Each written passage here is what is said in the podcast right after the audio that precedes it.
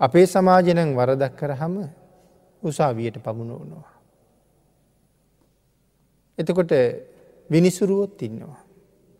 ඒ අයි තීරණය කරනවා මෙච්චර මෙච්චර මේ මේ වර්ධ වෙනුවෙන් දඩුවන් තියෙනවා කියලා. විනිසුරුගි තීරණය මත අපිට දඩුවන් නියම වෙනවා. නමුත් එතකොට අපි මේ කරන ප්‍රාණගහතය ආදී මේ මහ වැරදිවලට අපට දඩුවන් කරන විනිශ්චකාරයා කවුද. එහෙම විනිසුරුවෙක් නෑ. දඩුවන් කරන විනිසුරුවෙක් නෑ. ඒ හින්දා ඒ දඩුව මේ සීමාවත් බොහොම බොහොම දිගයි. එකම විනිසුරුවයි ඉන්නේ කිසිම පැත්තකට පක්ෂපාති නෑ. දෙනිසා හරියටම වරද කරන පුද්ගලයාට නිසි දඩුවම නිසි විදිහටම පමුණුවනවා. කවුද ඒකම විනිසුරුවා. තරාතිරමක් සීමාවක් මායිමක් මොකොවත් බලන්නේ බලන්නේ නැතුව දඩුවන් කරන එකම විනිශ්චකාරය තමයි ස්වභාව ධර්මය. ස්වභාව ධර්මය තීරණය කරන්නේ මේ වැරදට මොහුට කොච්චර දඩුවන් ලැබෙනවාද කියලා. ආංගේ ප්‍රමාණයට අපිට මේ සංසාරය දුක්විඳින්ට දුක්විඳින්ට සිද්ධ වෙනවා අපි කරගන්න මේ සිල් පද උල්ලංඝනය කිරීමෙන් කරන අකුසල කර්මයන් එක්ක. ඒක නිසානි භාග්‍යතුන් වහස මේ සීලයේ හොඳට ආරක්ෂා කරන්න කිවී. ආං එතන පැහැදිලි කළා මේ සිල් දිවිහිමියෙන් ආරක්ෂා කරන්න කියලා. එහෙම ක්‍රමයකුත් බුදුරජාණන් වහන්සේ දේශනා කරලා තිනවා දිවිහිමියෙන් ආරක්ෂා කරන ක්‍රමය. මොකදද මේ දිවිහිමියෙන් ආරක්ෂා කරනවා කියල කිවී. දිවි හිමියෙන් කෙලකි මගේ ජීවිතය නැති වුණත් සිල් පදේ කඩන්නේ නෑ කියන එක. මම මට වඩා මේ සිල් පදයට කරු කරනවා. එනිසා ජීවිතයට වඩා ඒ සීලයේ උතුම් කොට සලකන එකටයි කියන්නේ දිවි හිමියෙන් සිල් රකිනවා කියලා. ආං ඒ සිල් රකින ක්‍රමය පිළිබඳවත් පැහැදිලි කළා. මේකට උදාහරණත් බොහොමයක් අපේ ධර්මය තුළින්ම සඳහන් කරලා තියෙනවා. පිරති මේ අපේ රටේ හිටපු රජ කෙනෙක් පිළිබඳව සිහිපත් කරනවා. දිවි හිමියෙන් සිල් රැකපු රජ කෙනෙක්. රජ්ජිරුවන්ගේ නම ධාර්මික තිස්ස කියල තමයි සඳහන් කරන්නේ. සීලයට ඉතාම ලැදි කෙනෙ. හැබැ ධර්මික තිස්ස රජ්ජිරුවන්ට දවසක් හිතුනා වටු මස් කණ්ඩෝන කියලා. වටුමස් කෑමේ අසාාවක් ඇති වුණා. රජ්ජිරුව මේක රාජ සභාව හරි තමන්ගේ පිරිසට හරි කීවනං රජ්ජිරුවන්ට වටූ සිය ගැන හම්බ වෙනවා. අප රජ්ජිරුව එහෙම කැමති නෑ. රජ්ජිරෝ දන්නවා කියපු ගමන් මං වෙනුවෙන් වටුව මරලගේනවා කියලා. එතකොට රජ්ජිරුව වෙනුවෙන්නේ ඒ වටුව මැරෙන්නේ. එහින්ද රජ්ජිරුව කැමතිනෑ එහෙම වෙනවට. ඒක හින්ද වටුමස් ඕන බව කාටවත් කියන්න පුළුවන්කමක් නෑ.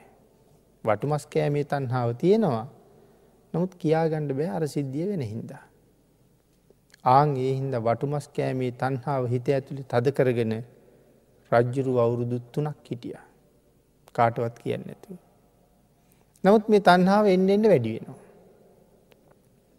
වැඩියෙනවා. රජ්ජුරු කල්පනා කළා කාට කියල්ලද කැපවිදිහට මසක් හොයාගන්නේ. මම නිසා නොමැරූ සතෙක් වෙන්ඩුවනේ. ඉසල්ල රජ්ජුරු හොයල බැලුව හොඳට සිල් රකින කෙනෙක් ඉන්නවද මේ රටේ තව කියලා. කරුණු හොයාගෙන යනකොට රජ්ජුරුවන්ට එක උපාසක මහත්තය ගැන තොරතුරු හඬ ලැබුණා. දිවි හිමියෙන් සිල් රකින කෙනෙ. රජ්ජුරුවන්ට ඕන වුණා එයා පරීක්ෂා කරන්න. මේ කාරණාවෙන් අපිට පේනවා රජ්ජුරුව කොච්චර සීලයට ගරු කරනවාද කියලා. රජ්ජුරුව පනිවිඩයක් ඇරිය එතුමට එන්න කියලා. ටික වෙලාවක් රජ්ජුරුව එතුමත් එක කතා බහ කලා බොහොම සුහදව. කතා කරල උපාසක මහත්තයා යන්ඩ ගියා. රජ්ජුරුව පස්සේ සේවකෙක් අතේ උපාසක මහත්තයගේ ගෙදරට කුකුලෙක් යව්වා. මේ කුකුලා මරලා උයලා ගෙනත් දෙන්න කියලා. උපාසක මහත්තයකිව මට කුකුල්ලු මරලා උයන්ට බෑ. මරාපු කුකුලෙකුගේ මස් ගෙනල්ල දුන්නොත් උය ලෙවන්නම්. නමුත් මට රජ්ජුරුව වෙනුවෙන් කුකුල්ලු මරන්න බෑ කියලා. ආං ඒවෙලා රාජපුරුෂයෝ කිව දන්නවද. මේක රජ්ජුරුවන්ගේ ආග්ඥාව. මේක නොකළොත් සමහර වෙලාවට ඔබේ ජීවිතෙත් නැතිවෙන්න පුළුවන්. උපාසක මහත්තය කිව්ව කමක් නෑ. ජීවිතය වෙනුවෙන්ගත් මන් සතෙක් මරන්නේ නෑ. ඊට පස රජ්ජරුවන්ට ගිහිල්ල කීවා බෑ කිව්ව කියලා. රජ්ජුරු එහෙම ඒ වෙලා කිව්වා රාජ ආග්ඥාව උල්ලංඝනය කරපු නිසා. ඔහු රාජ උදහසට ලක් වුණා. ඒ නිසා දංගෙඩියට ගෙනහිල්ල බෙල්ල කපල මරන්න කියලා. උපාසක මහත්තය දැන් දංගෙඩියට අරං යනවා. රතුරෙදි අන්දලා වදමල් කරේ දාලා වදක බෙර ගහ ගහ දංගෙඩිය ගාවට එක් යනවා. රජ්ජුරුවර එක් යන පිරිසෙන් එක්කෙනෙකුට කිව්වා දංගෙඩිය උඩ බෙල්ල තියලා කුකුලා අපහු දෙන්ට. දීල කියන්න තවත් උඹට ජීවත්තෙන්ට වෙලාව තියෙනවා. දැන් හරි මේ කුකුලා මරලා උයලා දෙන්න භාරගන්නවන දැනුත් උඹ නිදහස් කරනවා. එහෙම කරන්න කියල කීවා. එහෙම කරලත් මොහු බෑ කිව්වොත් මට අපහු පනිවිඩයක් එවන්න කිව්වා.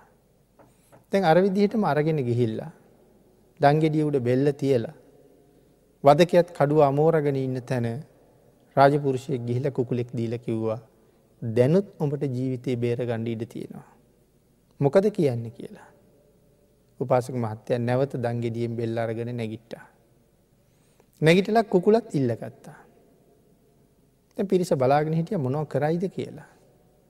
මෙයා හොඳට කුකුලගෑන් අතගාල ඔළුවත් අතගාල කුකුලට කිව්වා දැන් කුකුලගේ ජීවිතයන බෙල්ල කැපිල මැරෙන්ට තියෙන්නේ. උඹේ ජීවිතය මට දියන්. මගේ ජීවිතය උඹ ගනි. උඹ වෙනුවෙන් මගේ බෙල්ල කැපිච්චාවේ. උඹ ජීවිතය අරන් යමන් කියල කුකුලන් දහස් කරලා ඇරිය. ආන්ගේ පනිවිඩේ රජ්ජුරෝගාවට යව්වට පස්සේ. රජ්ජුරෝ බොහෝම ගෞරවනීය විදිහට. ඉතාම හරසරින් පාසක මහත්තය රාජමාලිගාවට එක ගිහිල්ලා. රජ්ජුරුවන්ගේ සතුට ප්‍රකාශ කරලා මේ තරං සිල් ආරක්ෂා කරන ශ්‍රේෂ්ඨ අය මගේ රටේ ඉන්න බව මට සතුටක් කියලා. උපාසක මහත්තයට හිමීට ලං වෙලා කිව්වා තුන් අවුරුද්දක් තිස්සේ වටුමස් කෑමේ තන්හාාවක ඉන්නවා. නමුත් රාජපුරුෂයන්ට ඒක කියන්න බයයි මොකද ඔවුන් මංවෙන්වීම වටුව මරයි කියලා. මං බැලවි සිල්වත් කෙනෙකුට හෙව්වොත් එයා කවදාවත් සත්තු මරන්න ඇති හින්දා මට කැප විදිහට මස්්ටිකක් ලැබෙයි කියලා. උපාසක මහත්තයා ඒක බොහොම සතුටින් භාරගත්තා ඕක ඔච්චර දෙයක් වෙයි. මං කරලා දෙන්නම් කියලා. එයා උදේම ගියා මස් තියෙන තැනට. එතෙන්ට වටුව මරල ගේ නො මස් විකුණන අය. එතනින් වටුව ටිකක් අරගෙන මෙයා උයල ගෙනහිල රජ්ජුරුවන්ට ගෙනහිල්ල දුන්නා. රජ්ජුරුවන්ට ආං ඒ හින්ද හරි විශ්වාසයි මේ උයල තියන්නේ මං වෙනුවෙන් මරාපු මස් නෙමේ කියලා. රජ්ජුරුව කොයි තරම් හොඳට සිල් ගැන උනන්දුවක් දැක්වාද. උපාසක මහත්තය කොයි තරම් හොඳට මේ සිල් ආරක්ෂා කළාද. ආං එහෙම සිල් ආරක්ෂා කිරීමක් පිළිබඳවයි දිවිහිමියෙන් සිල් රකිනවා කියන කාරණාව සඳහන් කරන්නේ.